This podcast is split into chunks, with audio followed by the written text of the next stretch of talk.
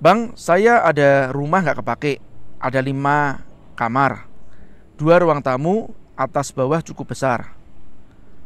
Tapi saya ada di desa, buta bisnis, apa yang cocok? Baik, uh, kalau kita bicara masalah di desa, ini ada yang perlu digarisbawahi nih ya. Kenapa dia menyebutkan kata-kata desa? Kemungkinan besarnya adalah trafficnya sepi, ya. Anggap aja jauh dari wisata, nggak cocok buat bisnis retail artinya. Nah kemudian uh, jika disewakan pun juga akan terlalu murah, karena memang tidak banyak trafficnya. Jadi kalau kita bicara masalah properti yang disewakan tinggi, itu tentu saja yang trafficnya tinggi. Di daerah yang minim sumber daya alam, manfaatkanlah sumber daya manusia. Atau kita mendatangkan traffic yang goib.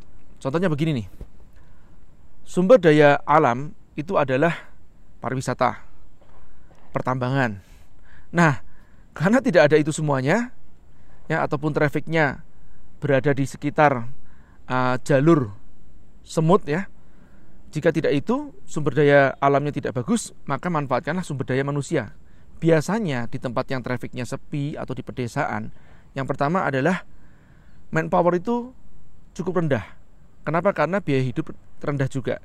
Nah, di tempat seperti ini sangat bagus untuk memproduksi. Ya, itu yang pertama. Yang kedua, mendatangkan penghasilan-penghasilan yang goib Ya, ini juga kalau sumber daya manusianya di daerah tersebut anak-anak yang generasi muda alias 25 ke bawah begitu ya. Nah, banyak yang ada di sana. Nah, kita bisa manfaatkan sumber daya goib ini, uh, sumber daya goib, income yang goib ini dari mana? Seperti kayak internet marketing nih. Nah, begitu. Sampai ada kawan-kawan yang membuat juga namanya kampung uh, marketer ya. Nah, ini kita manfaatkan. Bisa jadi outsourcing untuk uh, customer services, bisa dipakai juga outsourcing untuk admin ya. Mirip-mirip ya tadi ya. Ataupun juga nah, reseller dropship bisa. AdSense juga ada. Nah, seperti di daerah Magetan ada juga pesantren yang uh, pendapatannya didapatkan dari santrinya ini uh, dari internet marketing. Ya, jadi inter sebagai internet marketer memanfaatkan uh, penghasilan dari AdSense ya dengan membuat konten-konten seperti blog.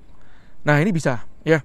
Jadi sumber daya manusianya yang digodok untuk menghasilkan penghasilan dari luar yang saya sebut namanya penghasilan goib yang tidak lewat jalur darat atau jalur laut. Oke, itu jawaban saya. Mudah-mudahan bermanfaat. Sampai ketemu lagi.